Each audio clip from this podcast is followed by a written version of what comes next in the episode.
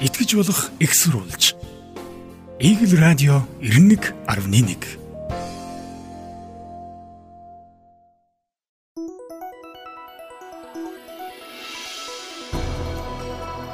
Самбат өнөрхөм сонсогчдоо Игэл радио 91.1 радио жиргэн нэвтрүүлгийн өнөөдрийн дугаар эрхэм сонсогч та бүхэнд хүрэхэд бэлэн болсон байна. Нийгэм дөрнөж байгаа үйл явдлын сонин содон сонирхолтой мэдээллийг хуваалцахаар эфирт гамбайр миний би бэлэн болжээ. За, нийгэм дөрнөж байгаа үйл явдлыг эрхэм жиргээчид мань асуудлыг ямар өнцгөр юу гэж тайлбарлаваа гэдгийг ярихаас илүүтэй нийгэм дөрнөж байгаа хоёр үйл явдал эрхэм жиргээчдийн мань анхаарлын төвд зүйөөсөр орсон. За үүний нэг нь яа харахгүй агаарын бохирдол буюу утаата тэмцэж байгаа нөхдүүдийн үнэн бодит төрх гэдэг энэ жиргэнүүд анхаарал татсан. Жишээлбэл яг энэ дээр хамгийн ихэлж онцлох жиргэг би энэ оюун гэрэл цэтэн дамбын жиргэг бол онцлие тодруулбал тэрээр хэсэг бичлэг оруулсан. Тод тодтол нь юу гэж хэлж өгнө гэхээр утаа арилаагүй л байна. Одоогийн дарганаар чадаагүй чадахчгүй харин арилаагүй бурууг иргэд болон ганц нэг зорилгоосоо хазаасан төрийн бус байгууллагууд тохох бололтой юмдгаа. Маргааш орой Facebook live-аар үндсэн асуудлыг тайлбарлаж өгье гэсэн. Тэгээ энэ дээр бол манай радио жиргэн нэвтрүүлгийн зүгээс нэг зүйлийг онцлоод байгаа. Энд ерөөсөө иргэд за нөгөө талдаа зарим төрийн бус байгууллага буруудах тухай огт яриаггүй. Хамгийн гол нь бид Азийн улс орнууд 60 жилийн өмнө ашиглаж байсан технологиос хизээ бид одоо салах юм бэ гэж асуугаад байгаа. 60 жилийн өмнө бид яг одоо буюу Солонгос, Япон, Сингапур, Хятадын өмнөд хэсэг гихчлэн улс орнууд өнөөдрийн бидний сайжруулсан шахмал төлш буюу угаацсан нүүрсийг ашигладаг байжээ л гэж хэлэх гээд байгаа.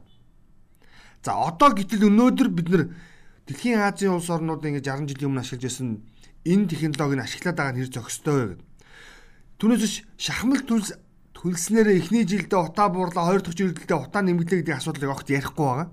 Хамгийн гол технологи бүгдөө өөрсдөө солио, өөрчлөё гэдэг энэ санааг хэлж байгаа.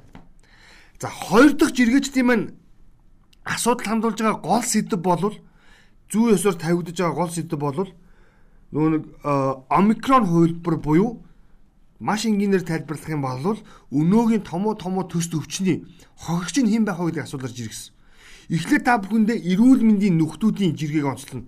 Тодруулж хэлэх юм бол Оном сангийн төлөөлөл удирдах зөвлөлийн дарга Наранбаатар ерөнхийдөө тухайн хүний өвчлөл ямар үйлдвэрийн вакцинаар дархлаажуулснаас эсхээс үл хамаарч хүндрэлийн байдал дельта хувилбартай харьцуулахад 15-аас 75% хөнгөн байгаа. Тэгсэн хэрнээ бага насны хүүхдүүдийн дунд өвчлөл хүндрэх эрсдэл байна. Энэ тоо баримт нь Англи, Америк нэгдсэн улс, Норвеги улсын судалгаанаас харагдаж байна. Энэ нь магадгүй бага насны хүүхдүүд цар тахлын эсрэг вакцинжуулалтанд хамрагдаагүй байгаатай холбоотой. Гэтэл 3 дугаар төв эмнэлгийн захирал төмөр очир үжилсэн гэхээр эрүүл мэндийн сайдын тушаалаар эмнэл зүйн зөвлөгөө өгөх баг ажиллаж байгаа. Саяхан омикроны дэгдэлтэй холбоотойгоор цар тахлын халдварын эмчилгээ онцлогооны төр зааврыг шинчилсэн. Өвөрмөгц эмчилгээ ерөөсөө хийхгүй өмнөх альфа, дельта холбоотой адилхан эмчилгээ нь. Гэхдээ вирусын гаралтай амьсгалын замын дээд замын халдварын энэ үед за антибиотик ерөөсөө хэрэглэх ёсгүй шүү. Цар тахлын дельта холбооны давлгааны үеэр хүмүүс богино хугацаанд уушигны хатгалгаа авч байсан учраас антибиотик хэрэглэж байсан юм аа гэж. Ялгаатай байдлыг нь анхаараарай.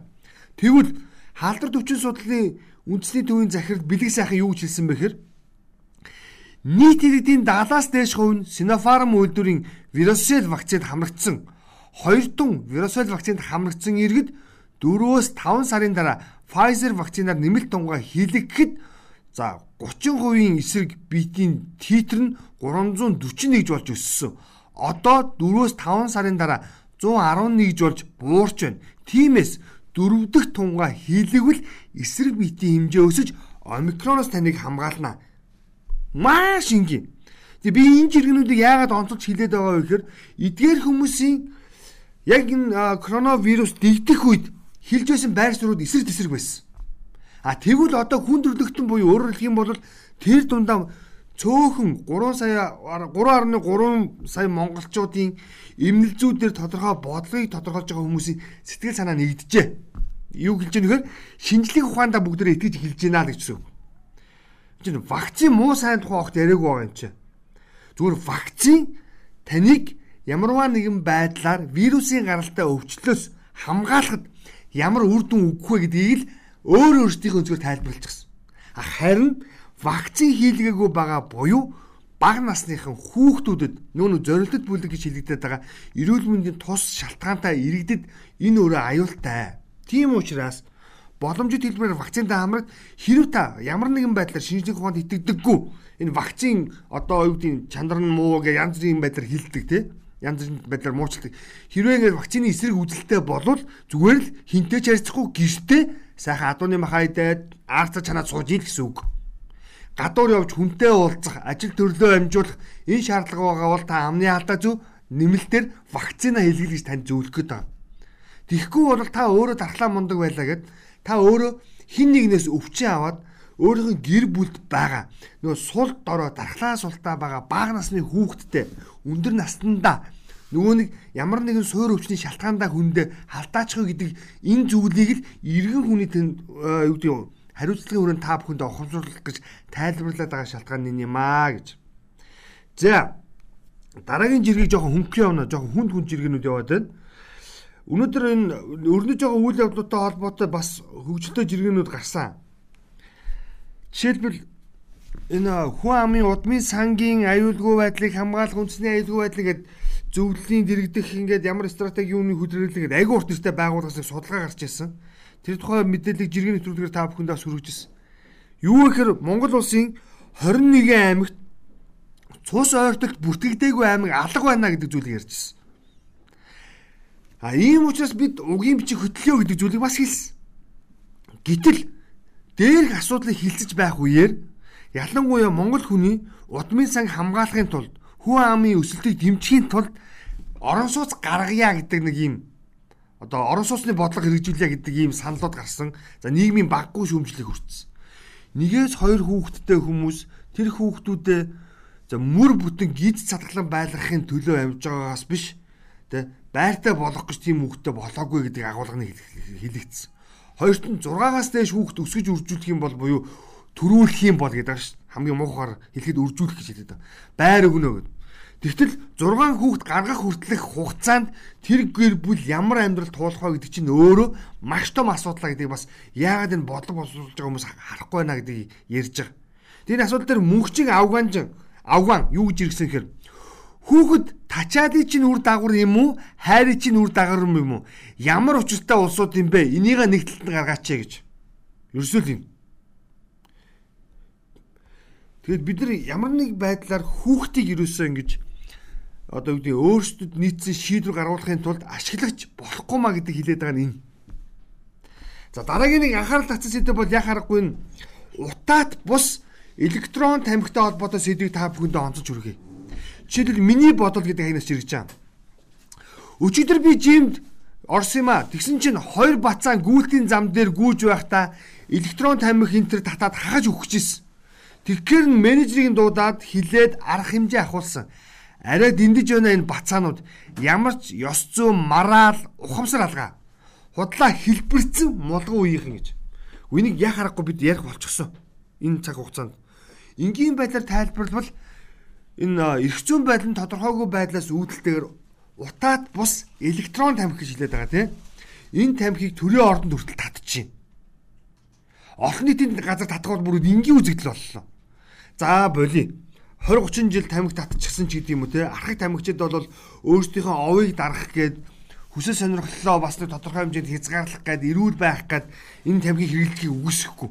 Гэтэл энэ электрон нэртэй тамхины хамгийн гол хэрэглэгч нар 14-өөс за бүр дааш максимум нэмлээ.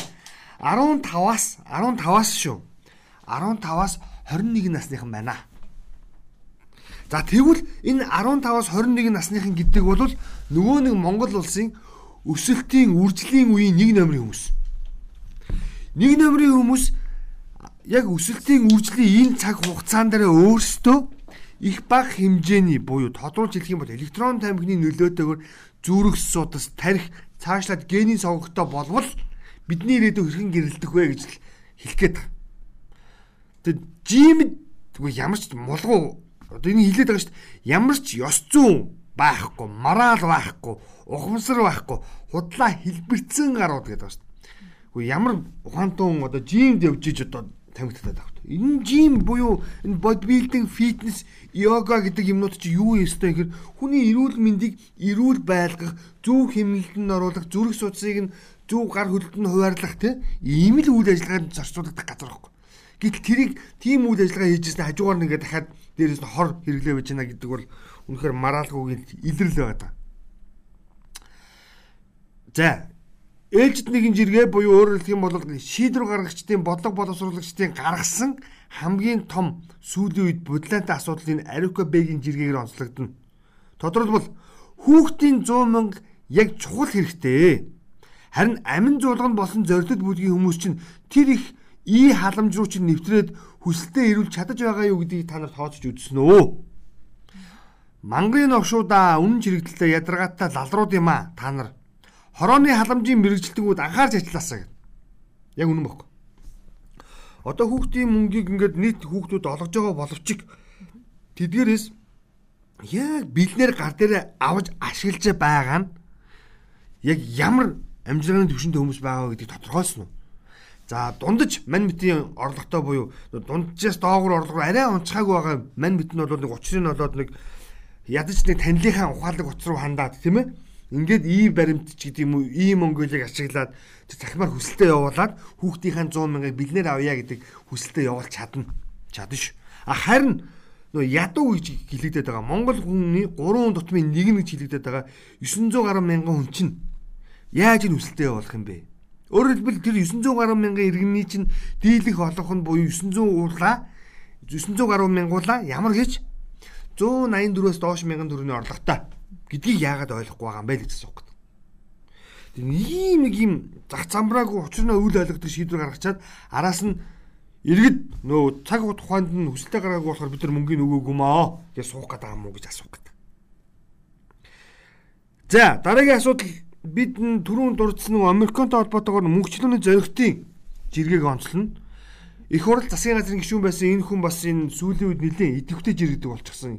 Ялангуяа энэ логч нарын араас маш зөв зөв логч гэж юу хэлээд байна вэхээр нэг вирус логч нар гараад ирсэн сайн дурын. Энэ хүмүүсийн араас зөв зөвтэй асуудлыг маш ихээр өргөн төвшүүлж тавьж байгаа. Мөнгөчнөө зөрөгт юу гэж хэлсэн бэ гэхээр 6-аас 8 7 хоногт багтаад Европын нийт хүн амын талаас дэш нь омикрон дах гинэ. Амар том судалгаа энэ бол.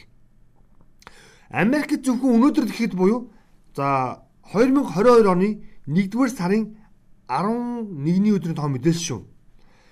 1 сая 130 мянган хүн ёо халдвар бүртгэгдсэн байна.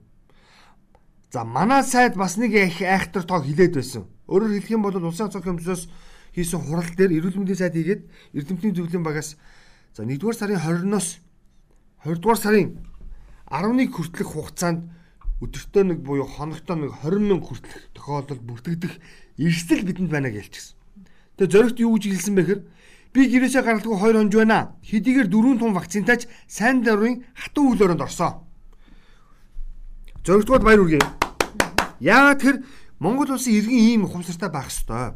Та вакцин хийлэг хийлэхгүй гэж хин нэгний талд орж ямар нэгэн байдлаар цахимаар асуудлаа тавьж ирэхээс өмнө би эрүүл байвал хэнийг хамгаалах вэ гэдэг нэгдүгээр тавиараа гэж зөвлөх гээд байгаа.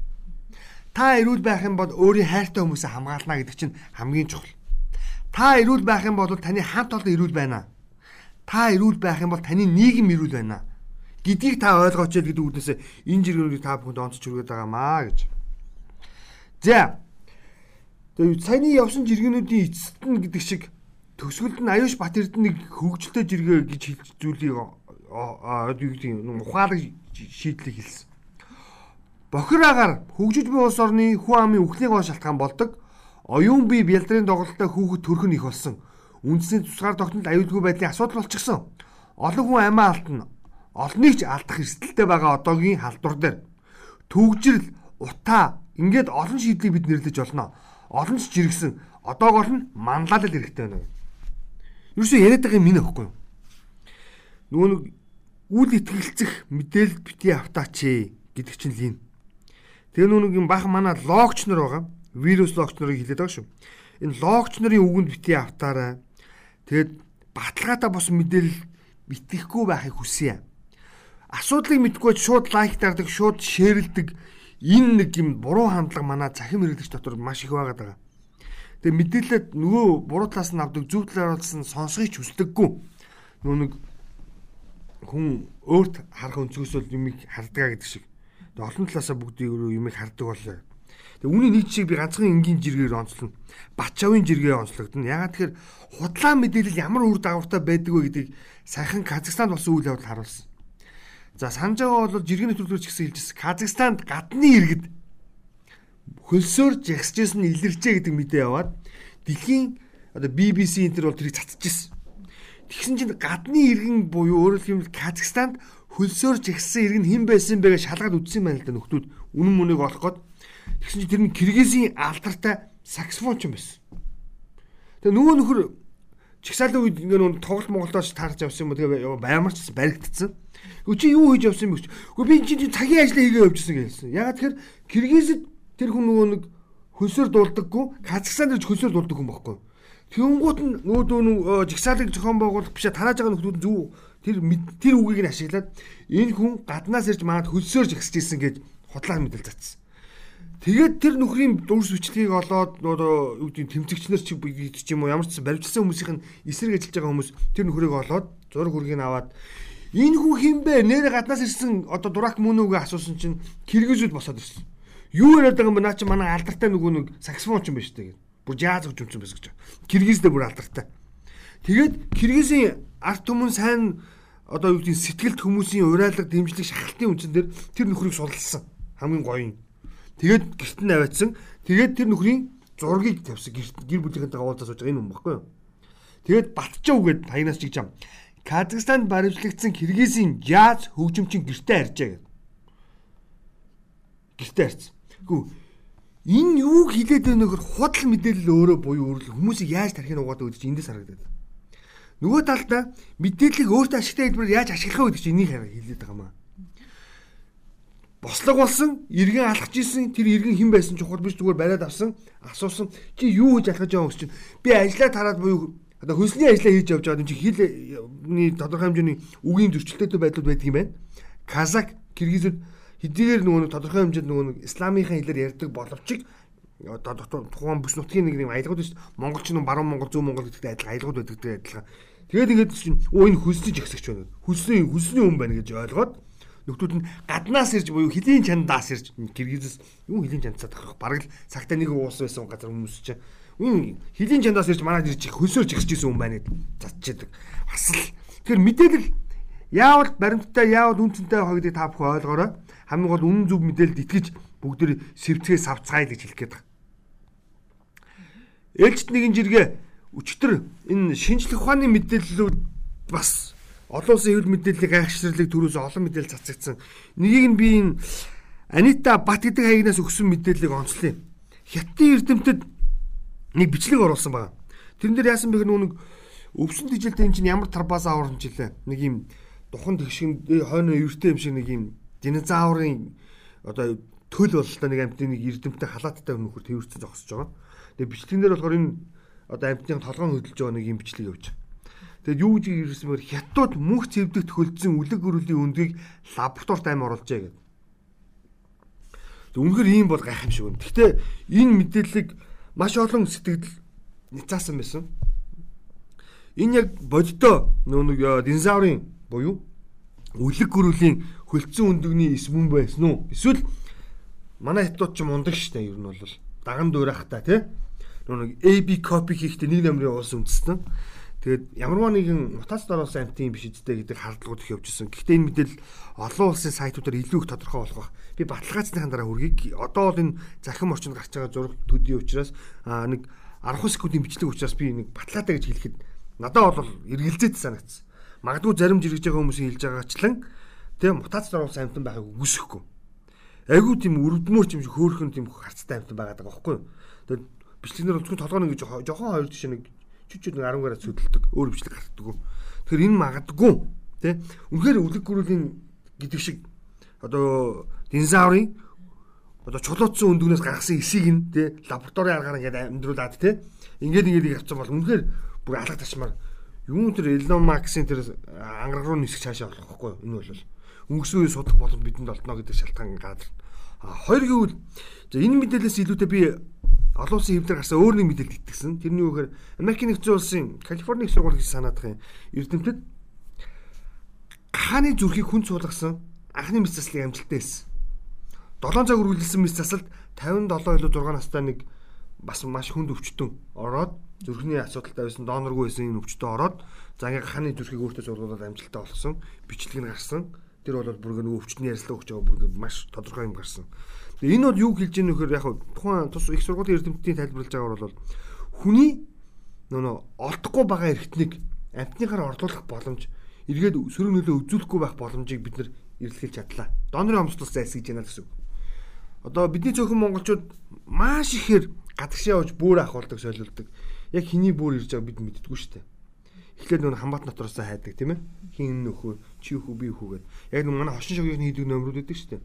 Игчтэй бөөрөө өхөх болчих бүгдөө өвчтөй болчдөг.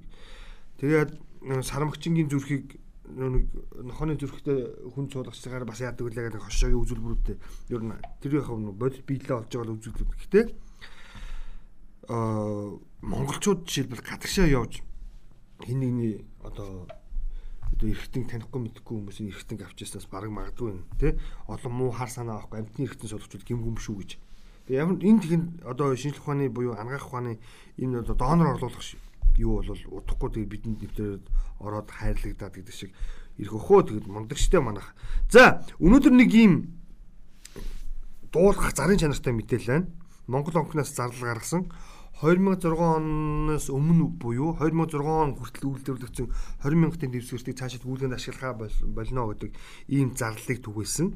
А гэхдээ мэдээч хэрэг өнөөдрөөс буюу авах болно гэсэн үг биш. Магадгүй та нөгөө нэг хингуа шиг, ис жамцгуа шиг нөгөө хөрөнгөгийн нөгөө мөнгөө авдартай хадгалдаг бол оны нэг сөхөд харчаарай. Хэрэв 2006 гэсэн тэмдэглэгээд оны тэмдэглэгээтэй байх юм бол 3 дугаар сарын 1-ээс өмнө та ингээд холбогдох одоо банк санхүүгийн байгууллагууд руу хандаад солиулаад гэдэг юм те энэ арга хэмжээнд оролцоорой гэдгийг бас зөвлөе. Өөрөөр хэлэх юм бол 2006 гэсэн тотол байх юм бол за 3 дугаар сарын 1 буюу 2022 оны 3 сарын 1-ээс хойш таны тэр мөнгө зүгээр бэлэг дурсгалын одоо хэрэгсэл болж үлдэх нэ гэдгийг та бүхэнд анхааруулж хэлье. Тэгээ бид ямар нэгэн байдлаар гүйлгэнд оролцохгүй л гэдгийг ойлгоорой. Тэгээд боломжтой хэлбэр автортай нуусан байгаа жамцгоо шиг нуусан байгаа эдэн төгрөг байгаа бол түүнийгээ бол далт хийгэрээ гэж. За Нэвтрүүлгийн цагт өгчжээ. Төсгөлтний жиргээ явчихъя. Морин аяллаа хишгэ гэдэг хаягнаас өгсөн нэг жиргээг онцолж хэлье. Лодонгийн төдүүгэн одоо суут ишийг үзүүлэх гэж хэлэх юм уу? Одоо юу гэх сэтгэгч нарын нэг. Иш үзүүлнэ гэдэг маань их олон утгатай байдаг юм байна. Тэг ер нь бол сэтгэгч нар л гэсэн үг л дээ. Тэгэд энэ лодонгийн төдүүгэн хамгийн мундаг үгсийн дотор онцлогдсон нэг үгийг морин аяллаа хишгэ онцолжээ. Өөрийнх нь зургийг тавиад өндөрт авирч явах үедээ бусдад тус болж байгаагүй бол буцаж буух замд чинь тэд ахаад дайралтна гэдгийг санагтун лодонгийн төд өгсөн. Бас лайхтар шүү. Манайхан чинь яг тэр одоо нүү цүнх баригч гэж хэлдэг нэг бодлын тийж харагдаг. Нөгөө бодлын бас оюун ухаанаараа бас дээшээ гарч байгаа олон мундаг залуучууд байгаа. Ямар нэг аргаар дээшээ гарахыг хүсдэг болсон. Тэгээ огцон дээшээ гараад бүр ингээд газар тасаад гинт дээшээ гарахаар нөгөө хүчил төрөж дутагддгийг шүү. Тэрийг ойлгоорой гэсэн. Одоогийн хэлээр тийм үү? За өнөөдөр радио жирийн нэвтрүүлэг маань энэ хүрээд өндөрлөж байна. Бидэнтэй хамт байсан сонсогч та бүхэндээ баярлалаа. Жолооны хүрдээ ард та сууж яваа бол ямар нэгэн байдлаар ариг согтуурлах ундаагаас хол байгаарай. За нөгөө талдаа манай нэвтрүүлгийг 7 хоногийн даваагаас баасан гаригуудад 17 цаг 30 минутаас Eagle Radio 91.1-ээр сонсох бүрэн боломжтой. Мөн нэвтрүүлгийн бүх дугаарыг нөхөж болон дахин сонсохыг хүсэх юм бол Eagle Цэгийн мэн гэсэн вебсайтаар дамжуулан та бүхэн радио жиргэн нэвтрүүлгийн дугааруудыг сонсож за саналуудаа илэрхийлэх бүрэн боломжтой. Нэвтрүүлгийн дагараагийнхаа дугаараар илүү олон мэдээлэл тэргүүлж баяр